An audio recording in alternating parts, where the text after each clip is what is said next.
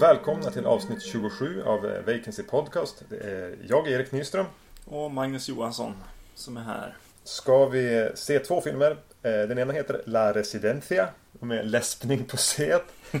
Eh, Och eh, The Keep. Första filmen är från 1969 och den andra från 83. Och den lilla gemensamma nämnaren mellan de här två filmerna är väl egentligen det att de inte går att få tag i. Nej precis, det finns inga officiella utgåvor ute just nu då. Eh, framförallt The Keep, för mig i alla fall, har varit någonting man vill, verkligen vill ha tag på. Och eh, någonting som ligger i någon slags rättslig grej eller snarare eh, vad heter det, bandet här eh, som har gjort musiken. Tangerine Dream. Just det, verkar vilja ha för mycket pengar eller något sånt. Ja, det är som det jag, så, jag har förstått det också. Ja, precis. Och regissören Michael Mann eh, vägrar eh, musik lägga om den här filmen bara för att släppa den. Liksom. Så den står liksom och går inte att släppa för tillfället. La Residencia vet jag inte. Jag ska sluta med det där uttalet på det. Den är även känt under andra titlar som till exempel eh, Finishing School eller The House That Screamed. Eller vad var det den hette på svenska? Fruktans skrik. Precis. Eh, Den, eh, den finns det helt enkelt bara ingen vettig utgåva av. Jag har för mig att det ska finnas någon sån här tjollerutgåva med Elvira. Just det, det, det var den ja. Ja, precis. Den finns på en, en DVD med Elvira. Eh, någon så här double feature eller vad det nu är. Där hon eh, pratar över filmen hela tiden. Och kommenterar och gör sig rolig eh, över eh, filmen. Så att ja, den, den har ju inget originalljud så att säga. Eh, Så för att se de här filmerna fick vi helt enkelt eh, använda oss av de medel som finns. Eh, vi har tidigare haft lite funderingar till hur vi ska göra på pod- podcasten om vi verkligen ska prata om filmer som inte går att få tag i. Jag tänkte det kan vara lite frustrerande om vi då pratar om en film som låter väldigt, väldigt intressant för någon, eh, någon lyssnare. Och sen bara få veta att den här kan du inte se. Ja, precis. Eh, precis, och jag har varit väldigt starkt emot mot eh, sånt. Men eh, jag vet att vi har sett eh, någon film tidigare som eh, fanns på YouTube. Eh, Det var Look What Happened to Rosemary's Baby. Just det. Ja, precis. Och i, de här två fallen så hittar vi dem faktiskt på YouTube också. Eh, The Keep verkar ligga där eh, ganska eh, sådär inte helt okej. Upphackad i små bitar. Ja, precis. De, det är så sex minuters klipp från filmen som de kallar det. Eh, så, ja. Medan eh, La Residencia fanns i sin, i sin helhet. Mm. Kvaliteten var väl inte den bästa men det var så vi såg den i alla fall. Ja, via min eh, YouTube-appen på min Xbox. Mm. Så såg vi den. Så då slipper man ju sitta framför datorn och se den också. Mm. Om man inte håller på och kopplar dator i TV. Mm. Så eh, båda filmerna finns att se på YouTube. Eh, vi kan väl börja med att prata om, eh, om La Residencia egentligen. Mm. Som då är, den är gjord av en spanjor som heter eh, Narciso Ibanez Zerador. Eh, den utspelas i Frankrike och den är dubbad till engelska. Så det är ett, ett, gytter. Och det, den är gjord, den är gjord med det är spanska, huvudsakligen spanska skådisar också. Eh, den utspelas på en eh, internatskola för flickor som eh, av någon anledning eh, har haft något problem eller någonting. Kan ha varit lite stökiga, kan ha varit lite oroliga eller utåt, utsvävande. Så de blir skickade till den här internatskolan där det är hård disciplin som gäller. Det, en, det börjar dö folk på skolan. Helt enkelt. Och mer än så tycker jag inte man behöver veta. Eh, Den utspelas när, ska vi säga. Det, det, det inte, den utspelas ju inte 1969 då den är inspelad. Nej. Utan kanske sekelskiftet eller senare. Ja, precis. Förr i tiden. Vi är inte så bra på det här med att placera saker i, i tiden. Nej. Eh, Det känns som de gjorde en litet skämt om det tyckte jag i filmen också. Eh, De nämner eh, i, i förbifarten någon gång i någon scen så säger de Ja, ah, vi kan ju inte se i ugnen medan det lagas maten. Eh, säger någon i förbifarten. Det vore väldigt praktiskt om man kunde se in i ugnen. ja, lite roligt. Ja, ja. Nu ska man ju inte tro att det är någon film med glimten i ögat i övrigt. Eller Nej. i speciellt stor utsträckning så är den ganska, ganska rak och, och, och, strikt och konkret film. Mm. Eh, Ja, visste du något om den här filmen innan eller? Jo, jag hade till och med sett den en gång tidigare. Jag mindes inte jättemycket. Jag blev tipsad om den här tre, fyra, fem år sedan kanske och såg den då. Eh, jag kommer inte ihåg så mycket av den men när vi sen började prata om att vi skulle se The Keep tillsammans med någonting och vi hal- halkade in på spåret att, eh, att se den tillsammans med någonting annat som inte finns tillgängligt så kom den här, jag kunde inte komma på vad den hette och till, till slut kom jag på den igen och, och, vi valde den. Mm. Så jag har sett den tidigare. Men du hade aldrig hört talas om den? Nej, precis. Och till och med glömt bort lite grann innan eh, vad vi, vi har pratat om det här avsnittet ett tag. Så jag hade glömt bort helt vad det var för någonting. Så eh, det var väldigt intressant att bara sätta, trycka på play och se. Liksom. Ja, vad kan man säga om den här filmen? Det, det kommer ju in en, en ny elev på den här internatskolan som man följer lite grann och så. Mm. Och eh, ja, som börjar känna sig liksom förföljd lite grann och sådär.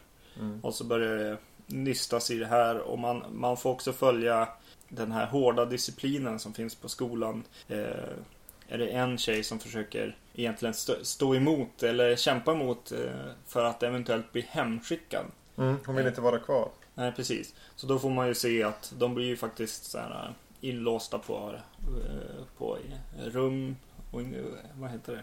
Får inte träffa någon eh, annan på ett tag och eh, det är även liksom eh, piskrapp och grejer som för, försiggår här. Det känns lite som en sån här tidig, ja du vet, eh, ja, kvinnor i fängelse film på ett sätt lite grann också. Jag gjorde inte det. Jag, jag satt och tänkte på, på typ den här svenska filmen Ondskan, Jan Guillous bok. Alltså den kändes som en... För den är väldigt intresserad av det här med en dominanta eh, lärare, den hårda disciplinen, liksom Mm. någon slags kamratbestraffning och sån här heders... Eller vissa elever som får vissa privilegier för att de är... Och blir någon slags eh, rastvakter eller... eh, Mm.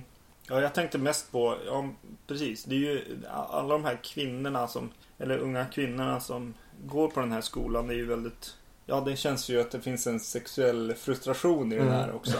I den här filmen.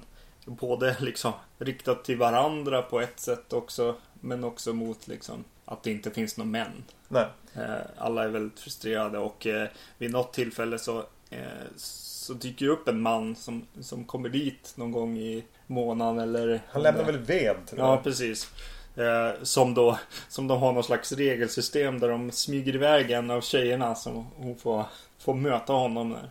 I- Och eh, där finns det en liten, jag vet inte, rolig eller bisarr scen kan man väl säga. Där, där de andra eh, tjejerna här eh, De sitter och syr. Ja, precis. Och tänker på vad som försiggår där. Mm. det blir väldigt... Ja, jag Jag har svårt att ta den, just den lilla biten på allvar. Ja, precis. Det blev lite... Ja, det känns som att det är någon... Ja. ja, men det finns ju någonting definitivt. Jag vet inte om det är hos regissören som är intresserad av, av det här eller inte. Eh, historien är det inte, känner jag. Nej. Nej. Men han är faktiskt med. Han har skrivit manus också. Så han har skrivit manus själv, regissören. Mm. För jag tänker den känns ju väldigt gammeldags. Nästan så lite naivt. Nästan som en ungdomsfilm. Mm. Någon sån här jullovsmorgonshistoria eller någonting. På en flickskola. Där de, alltså den, den är väldigt allvarlig i hur den berättar. Den tar intrigerna på allvar. Mm. Den gör inte bara allting sätter upp karaktärerna och deras relationer till varandra och, och hur, det, hur det fungerar på skolan som en Den gör inte bara det som en ursäkt för att för slis och blod och Nej. såna här snyggt designade mord. Den tar allting på precis lika stort allvar. Den är Mm. väldigt omsorgsfull när de fotar liksom ska gå från ett rum till ett annat eller när de sitter i matsalen och äter så allting är lika omsorgsfullt genomfört. Mm. Ja, det är sant. Det är så roligt när du säger just eh, går från ena platsen till en annan. Ja. Andra, jag kände ett tag faktiskt när jag såg den här filmen att den blev väldigt seg. Eh, och att det blev väldigt mycket så här, ja, kvinnor som går runt fr- framför kameran, bakom varandra. ja, jag vet inte. Det kändes som eh, det vandrades runt en massa där ett, eh, ett tag. Och eh, att den aldrig riktigt fick fart på något sätt. Eh, Det, det händer ju ändå några, eh, några sådana här, ja ganska, eller ja man kan väl kalla det väldigt stylish liksom mord Mm. eh, i den här filmen. Även om de är få. Så blev det ju ja, de är väldigt intressanta och väldigt så här giallo-italienska Mm. liksom, känsla på, på dem och även historien och ja, och det var och just giallo-känslan förhöjdes på något sätt av skådespelarna kände jag, eller bara att jag kände igen många av de här personerna som var med. Det finns någon son till rektorn till exempel som, som jag kände redan från början. Ja, men han, han tyckte jag om, tyckte jag. Eh, I en tidig scen så kändes han väldigt, för att vara så ung som han såg ut i alla fall, så kändes han väldigt bra Mm. skådis. Och eh, ja, jag snabbkollade upp han och han är ju tydligen med i eh, Dario Argentos eh, Deep Red. Vem spelar han där? Han spelade eh, Mike, eller Michael heter den, en karaktär. ja, jag, jag, jag, jag kommer faktiskt inte riktigt ihåg honom där. För att eh, han är så ung här och det är bara två år. Ja, nej, det var svårt att placera och så var det några andra som hade varit med i. Eh, hon huvudpersonen är med i What Have They Done, done to Solange, eller vad den heter. Som är med i en del genrefilm från italiensk genrefilm Ja, från precis. 70-talet. Ofta i, i sådana här filmer då, som, för de, de ska väl, de är någonstans mellan 15 och 20 år gamla, de här flickorna. Mm. Eh, och en vanlig missdag är att man väljer att ta 28 till 35-åringar som Mm. får spela dem. Men det jag tycker här är att de ser ut, det är unga karaktärer och de alla ser ungefär ut att vara sin ålder. Ja, Eh, framförallt en karaktär som eh, är en av de första som blir mördade. Mm. Ser väldigt, väldigt ung ut. Och jag kollade upp, jag tror hon var 14 eller 15 när hon spelade in filmen, skådespelerskan. mm. Och det gör ju samtidigt att det blir det blir lite mer kraft i när de blir utsatta för, för obehagligheter. Att det- känns faktiskt som att det här är ju barn. ja precis. Och det är lite samma känsla man får. Får man inte lite den känslan i Suspiria också till viss del? Med vissa av skådespelarna. I alla fall huvud. Att de är ganska unga. Eh, Ja, precis. Det, det är ju svårt att inte tänka på Suspiria i den här också. Eller Ja, inte precis. tänka på, men just med flickskolan med, med, med, med strama lärare med dans. De tvingas dansa ballett. Mm. Ja, det känns... Ja, det är så intressant liksom hur vad den här skolan egentligen lär ut på något sätt. De ska ju bli hemmafruar Ja. liksom de här. Eh, Så de, det är lite laga mat, lite vara i trädgården och eh, även lite ja, typ läsa, skriva, Sy. eh, sy, ja precis. Plus att då de då måste kunna lägga band på sina sexuella lustar. Just. Vilket det också handlar en del om. Mm. Ja, det känns som det finns en del, eh, definitivt en del intressanta teman i filmen tycker jag. Och eh, jag tycker den har ett starkt slut också. Hur, hur den sys ihop och, och det. Eh, ja, nej, det, det var faktiskt skönt att, det, att, att den, den tog sig lite grann. För att jag tyck, tyckte faktiskt att den blev lite seg den här filmen. Det blev liksom några scener för mycket av, av att bara vara. Även om en del är väldigt bra. Bra scener, särskilt någon det är någon eh, elev där som har börjat liksom anamma den här eh, hårda stilen på något vis. Mm. Eh, och fått lite makt och eh, ja, verkligen utöva den. Blir någon slags, eh, ja, den, den onda eleven på något vis. Eh, mot andra elever. Som ändå, eh, ja, som också knyts ihop ganska skönt. Det känns som att, eh, ja, nej men det är en rolig historia på något vis. Den litar ju ganska mycket på historien också. Mer än vad jag mindes att den skulle göra. Att den, den är mer eh, förlitar sig på historien än på, på morden och på skräcken och på att vara ja, exploativ på något vis. Mm. Det känns, nu har jag inte kikat, men det känns lite grann som den skulle vara baserad på någon, eh, på någon eh, roman eller någonting. Ja, det så, ja, jag tyckte jag läste det i början. Brist, Jo, det stod det. Det gjorde det va? Det, för det Ja. kändes lite så. Eh, förutom då just kanske bitarna som har med ond bråd död att göra. Mm. Så känns den som jag sa tidigare som någon ungdomsfilm eller ungdomstonårsroman. Mm. Plus att den är verkligen så här dränkt i Borta med vinden-stråkar. Mm, ja. Och så har den, ja precis. Och sen när den blir, ska vara lite skräckig då tappar den ju i musiken tycker jag. Den använder väldigt så här spök, spökmusik som, ja, som man bara skulle använda i komedi i dagsläget Mm. liksom. Det är väldigt mycket det där som man... Alltså så. Mellotron eller vad det Ja. heter. Eh, det var ju ingen, som sagt vi såg den på, på Youtube uppförstorat på min TV. Så den ser ju inte perfekt ut. Alltså det är ganska blaskiga färger och det sprakade en hel del i ljudet. Men jag tänker lite grann på hur mycket den tappar på att den så var, såg urtvättad och lite suddig ut. Om man skulle se en, en riktigt fin Blu-ray-utgåva eh, på den. När färgerna får se ut som de ska göra. Och att man skulle kunna få ut mer av det visuella och få ut mer av...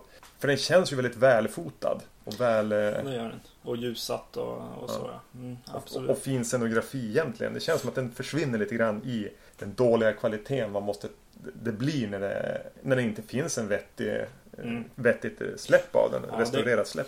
Det är några riktigt fina liksom, bilder i den. Och jag gillade framförallt den här Ja, den här unga tjejen som vi pratade om tidigare. Eh, Hon, hon gömmer sig för någon som eh, kommer runt ett hörn egentligen i en korridor. Och så eh, springer hon in i ett hörn och, och, och gömmer sig. Eh, väldigt fint eh, foto i vissa scener. Tyckte om den till exempel. Mm. Och överlag, för att vara full av så mycket unga skådespelare så är det bra skådespeleri. Mm. Den är... Men den har inte... Den saknar för mig är väl den här punchen. Den här riktiga grejen som lyfter den lite, lite högre. Mm. Du upplevde den kanske som lite seg. Jag hade inte samma problem med det. Men jag, den saknar det där lilla extra. För, Ja. att, för att ta den till en högre nivå där det verkligen blir en film man blir entusiastisk över. Mm. Kanske skulle den få en liten skjuts uppåt en, om jag fick se den i en vettig utgåva. Mm. Ja, precis. Men det är väl eh, lite fokus också att... Eh, ja, jag vet inte om man förväntar sig ännu mer skräck eller om man förväntar sig ännu mer eh, av den här eh, psykologiska... Ondskan. Ondskan, ja. precis, i, i filmen. Ja, och eh, ja, det är ingen av dem som liksom tar i och, och, och kör på något sätt. Ja. Jag förstår, men det var en ganska bra beskrivning. Den, den står lite grann med fötterna i två olika Mm. eh, typer av film och det gör att den blir varken eller. ja. Varken hackat eller malet eller vad man nu säger. Mm. Men ändå en rätt schysst film. Ja, Och jag tyckte faktiskt eh, dubbningen var rätt okej. Ja, jag kände, ja precis. Och även med läpprörelser och sånt. Ja. Ibland så kändes det som att Ja men den kanske skulle vara på engelska. Ja, ja, jag har ingen Vissa såg man ju att de var dubbade. Ja, Mm. såg lite.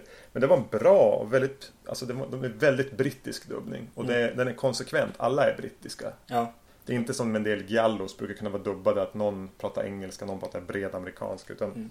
Och det gjorde att den fick verkligen den här brittiska internatkänslan. Även om alla har franska namn. Mm. Så fungerar det. Det kändes inte som bara ett mischmasch. Utan nej precis. Nej precis. Och även looken på filmen krävde nog den brittiska på något Ja. sätt. Ja, ja. Eh, dubbningen, ja absolut. Eh, ja precis. Det är nästan något eh, kostymdrama hållet ja. mm. Särskilt i början. När den börjar så tänker man oj vad ska, vad ska vi se här? Ja. Kände jag lite grann. Jag sa det till min sambo som var med och såg den nu att bara, äh, men vi tänk att, som var lite skeptisk till vad är det för någonting vi ska se. Som Mm. satte sig i soffan med, med oss. Och jag bara, äh, men tänk att det är Downton Abbey. Ett avsnitt av Downton Mm. Ja, Abbey. precis. Ja, det kanske var den filmen eller? Ja, jag känner att jag har sagt det, jag vill ha sagt om den. Eh, rätt schysst film. Mm. Inte det bästa vi har sett men ändå något jag gärna skulle se ytterligare en gång. Och då vill jag se den På riktigt. på riktigt. Jag vill se den på riktigt. Så eh, Mm. om man på något sätt kan utöva påtryckningar att någon ska släppa den här. Jag vet inte vad, vad som är problemet med tanke på hur annan film som kommer från den här tiden som är betydligt sämre Mm. kommer i extremt påkostade Blu-ray-utgåvor. Ja, precis. Ska det väl inte vara helt omöjligt för den här att göra det också. Men Mm. man får väl hoppas. Mm. The Keep.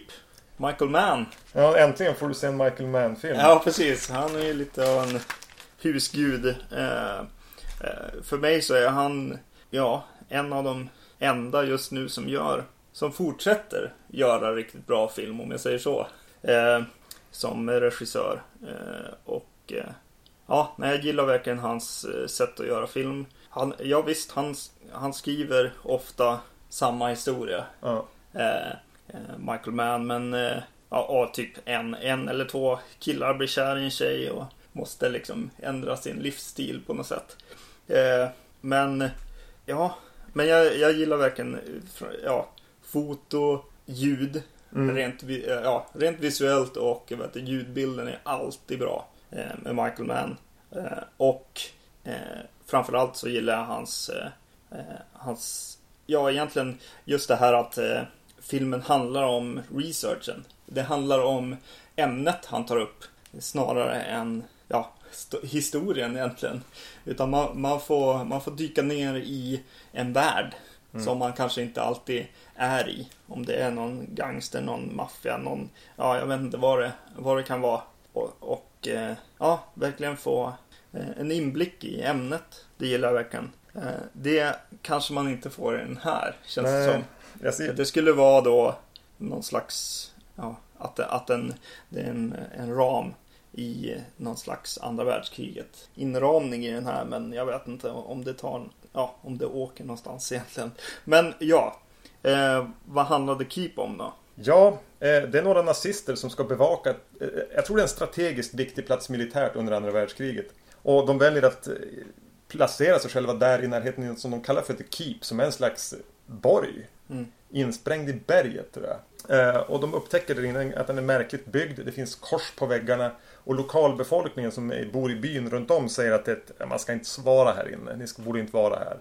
Man får mardrömmar. Men de är ju där och pillar på några silverkors de hittar och det verkar som att de väcker någonting till liv långt in i berget. Och de börjar fundera, de konstaterar även att det här The Keep verkar snarare vara byggt att hålla någonting instängt, inte att hålla någon, hålla någon ute. Ja, precis. Ja, vi har ju nämnt musiken här och musiken öppnar ju väldigt starkt i den här filmen tycker jag. I alla fall. Under förtext, eller Ja, precis. Under förtexterna och eh, man börjar så smått förstå varför Michael Mann inte vill liksom ändra på, på den. Och eh, ja, det är en rolig början här. Det, för det är ju de här tyskarna som åker in mot, eh, mot eh, Eh, The Keep då här, eller borgen. Och eh, ja, han filmar väldigt mycket av deras fordon. Det är någon slags, ja det är nästan liksom militärfordon romantik på något vis här. Eh, och eh, ja, både det och så att Jörgen Prochnow eh, tänder en cigarr och sitter där- bakom en, eh, ja bakom fönstret på en bil där och, och röker den. Får mig att tänka på rovdjuret väldigt mycket. Jörgen Prochnow ser ju väldigt mycket ut som, ja, som någon slags korsning av Arnold Schwarzenegger och Jean-Claude Van Damme tycker jag. Jag tänkte faktiskt i något ögonblick i den här filmen att Jürgen Prochnow hade lite den här Arnold-käken. Ja, Men eh, ja, jag, jag gjorde inte kopplingen längre till, till rovdjuret i början. ja. Och sen kommer de ju till The Keep, eller till den här borgen. Och bilden där utanför borgen med en bro och ett hål i en, i en vägg är, så, är otroligt slående. Eh, Det ser, det ser verkligen ut som att de kommer till världens ände. Och det finns en liten ingång Mm. ut till något annat på något vis. Den, den öppnar väldigt starkt visuellt kan jag tycka. Jag tänkte, för den början, jag gillade också när den här syntmattan börjar hamra i början. Do, do, do, och någon kamera åker ner, glider genom någon rökfilt. Och sen när de åker på den här militärkolonnen. Men jag tycker, jag tycker det ändå känns lite överbearbetad med, alltså det är folk, bönder som står och krattar i slow motion. Och, och, och musiken är jättedramatisk och de åker i slow motion. Som, Ja, han går och balanserar på en tunn lina där. ja precis. Jo. För det är ju inte så att det spelar så stor roll. Den där färden dit känner inte jag har någon direkt jätteimpact. Nej, inte hur den är fi- Nej, precis. Då skulle den nog filmats annorlunda. Att är, eh, man, man får aldrig den här känslan av att åh nej, tysken kommer. Nej, Vilket man kanske borde ha fått då. Eh, För det är väl det som är med de här sopande bönderna, eller vad man ska kalla dem. Eh, men- eh, det slås inte riktigt in förrän senare egentligen. Då kommer en riktig, och nu kommer tysken. mm. För det anländer några SS-trupper senare. De visar sig ju vara de. de är riktigt elaka. Ja, precis. Det här är mer de snälla tyskarna som kommer med. Snälla nazisterna. Ja. Alltså, jag minns ju att vi såg den här på, på det måste vara på Ronnys rullar på 90-talet kanske. Mm. Sent 90. Eh, mina minnen av den då var att den, att den började ganska intressant med att de kommer dit och så att den sen stannar upp och sen minns jag egentligen ingenting. Nej. Och den börjar ju intressant. De kommer dit, de bestämmer sig för att eh, vi ska ja, etablera oss inne i The Keep för det, det är smart, det är taktiskt. Och de säger bara nej men gör inte det, det här är ett farligt ställe, ni kommer inte att vilja vara här. Och de, det börjar med de här eh, två som ska vara någon slags nattvakt som är och petar på ett av de här eh, silverkorsen som är insprängda i väggarna och det försvinner in och det börjar hända. Alltså, det är en intresseskapande början. Mm. Sen sker det ganska snabbt en slags attack inifrån underjorden. Mm. Som fungerar lite sådär. Mm. Och sen resterande del av filmen så sitter de och pratar och stannar, den stannar upp fullständigt. Ja. Det blir, ja, Gabriel, Jürgen Prochnow som vi redan nä- nämnt är en tysk Mm. som är där, som är den snälla nazisten. Sen kommer Gabriel Byrne dit och har en riktig sån nazifrisyr. Mm. Och är den elaka nazisten. Ja. Sen hämtar de dit Ian McKellen Mm. som en eh, judisk professor som vet någonting om, om eh, språket som någonting på väggen står. Han de tror att han kan hjälpa dem. Med att, för det här som kommer ur The Keep dödar ju tyskar. Mm. De, han ska kunna hjälpa dem med det. Han sitter i rullstol och pratar. Mm. Och det är ungefär det det går ut på. Förutom att det kommer någon slags Jesus-gestalt med lysande ögon som på väg dit. Mm. Ja. Och det står så stilla. Det går, allting går så fruktansvärt sakta. Man tror att en scen är över. Ja. Så går en karaktär och då fortsätter de andra att prata. Ja. Jag har läst någonstans att Michael Manns första version av den var tre och en halv timme lång. Grattis! Ja. Director's cut, nej tack. Eh, Men samtidigt känns ju den här brutalt nedklippt. Ja. Det känns som att det fattas jättemycket. Ja, jo det är sant. Eh, Ja, precis. Nej, men det är ju just det här. eh, Ja, det är en stark början. Och så, och så är det just det här. Det är någon slags nästan alien, som första alien på något sätt. Just att upptäcka saker och man får följa med och, och känna att så här bara, "Ja, nej men ni ska nog kanske inte vara i det här rummet och så. Och även visuellt så känns det ju av lite grann. Eh, Det är väldigt mycket, jag vet inte, det är väldigt 80-talet den här. Ja, den är ju från 80, Ja, 83 precis. och Tangerine Dream står Ja, för den här ja, musiken men också ljuset. Det är väldigt många så här bak. Ja, precis. Ljus bakifrån med mycket så här dimma, eller vad man ska säga. Samtidigt så tyckte jag att det var ganska cool med en del av de här slow motion grejerna. Det kändes eh, europeiskt ibland och ibland väldigt amerikanskt. Alltså, det, var, eh, det kändes lite grann som att Lucio Fulci gjorde Indiana Jones. Tyckte jag, särskilt i början. Eh, så kände jag av att så här, oj, det, eh, det, ja, The Beyond är ju inte långt ifrån en del av de här grejerna. Ja, jag vet inte. Och, och första gången jag såg den här tyckte jag väldigt mycket att kulisserna var väldigt överdrivna och så här kantigt utformade och eh, det var väldigt overkliga effekter i så här massa rök och, och ljus och sånt. Mm. Men den här gången tyckte jag att den funkade mycket bättre för mig. För att jag fick just den här anslaget att bortom den här väggen är vi inte i verkligheten längre. Nej. Vi är i en annan dimension liksom. En, en väldigt 80-tals skräckdimension dock. Men ja, ja, jag vet inte. Men jag, men jag håller definitivt med. Och, och, och den, den den tappar ju väldigt mycket fart med Ian McKellen här. Och, och man blir liksom lite irriterad på hans sminkning. Och, Jag, ska, Ja, jag jag tycker han ser ut som, eh, när han kommer så han lider av någon slags sjukdom som Ja. gör att han är, hans händer är förvärkt och han är som nästan damm. Jag tycker han såg ut som, som John Carpenter. ja, Ungefär som John Carpenter ser ut nu. ja, ja. Sen blir han ju, kom, kvicknar han ju till. Men jag, jag blir väldigt irriterad på Ian McKellen. Han spelar över något fruktansvärt. Och man blir bara så less på honom. För han bara gaggar på och så är det syntmattor och så bråkar han, tjafsar han. Är det inte Jürgen Prochnow så är det med sin dotter eller med, med Gabriel Burns karaktär. Så att de jag förstår inte ens vad han gör där. Nej. Har han, något- gör han, har han ett syfte? Alltså har han ett egentligt värde för nazisterna som har tagit dit den? Nej, precis. Så släpar han med sig en dotter som är en typisk här, Michael Mann-kvinna. Ja, Är det någon regissör som lever upp till sitt efternamn ja. så, så är det Michael Mann. För han, han är helt ointresserad av att skriva kvinnor. Ja, De existerar bara i relation till en man. Jo, här har han ju, det är ju verkligen här man känner av hans skrivstil så att säga.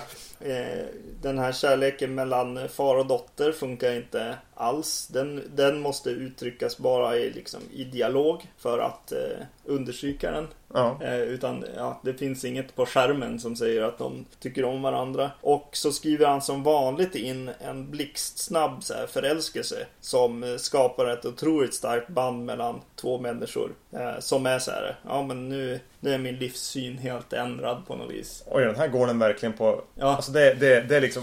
Mannen kommer in och liksom, ja men klappar två gånger i händerna. Ja. Sen är kvinnan hans. Ja, precis. Det är lite som, jo men eh, den här som man gjorde eh, Public Enemies. Där är det lite likadant.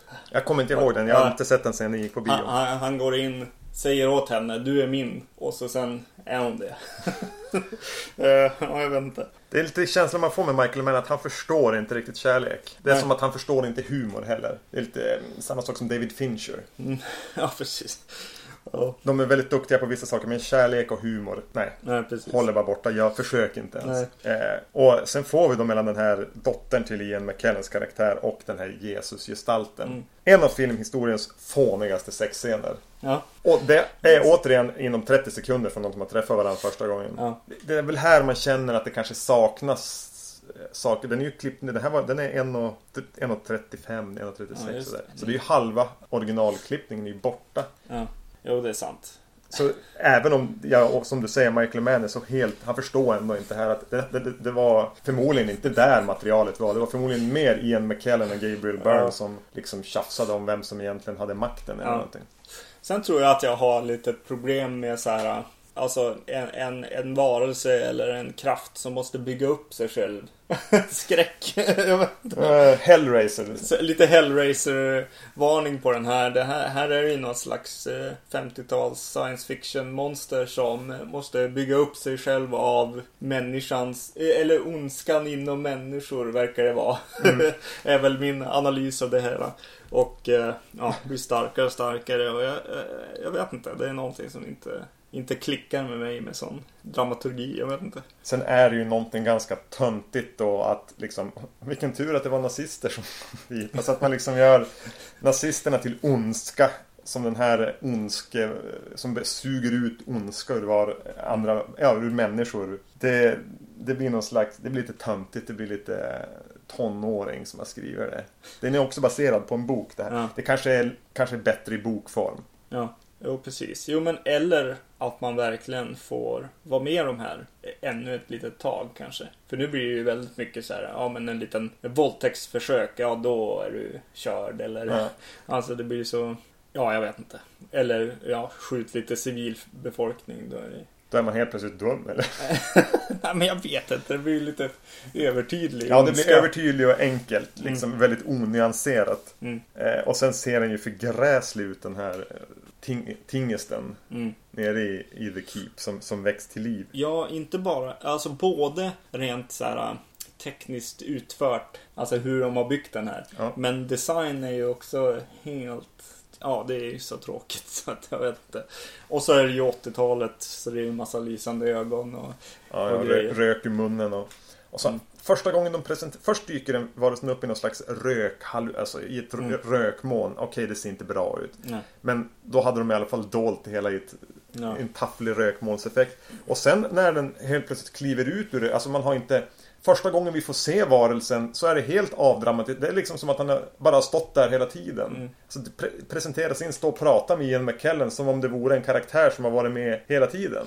Vilken dialogscen som helst. Ja. Ja. Där känns det ju återigen som att de har klippt bort en introducerande scen för den Mm. här demonen eller vad det är. Eh, och eh, nu ska vi väl inte avslöja hur den slutar men ja, världens tråkigaste, nej inte världens tråkigaste men ett fruktansvärt tråkigt slut. Nej, en ganska generiskt slut. Ja. Kan man väl säga. Ja, ja.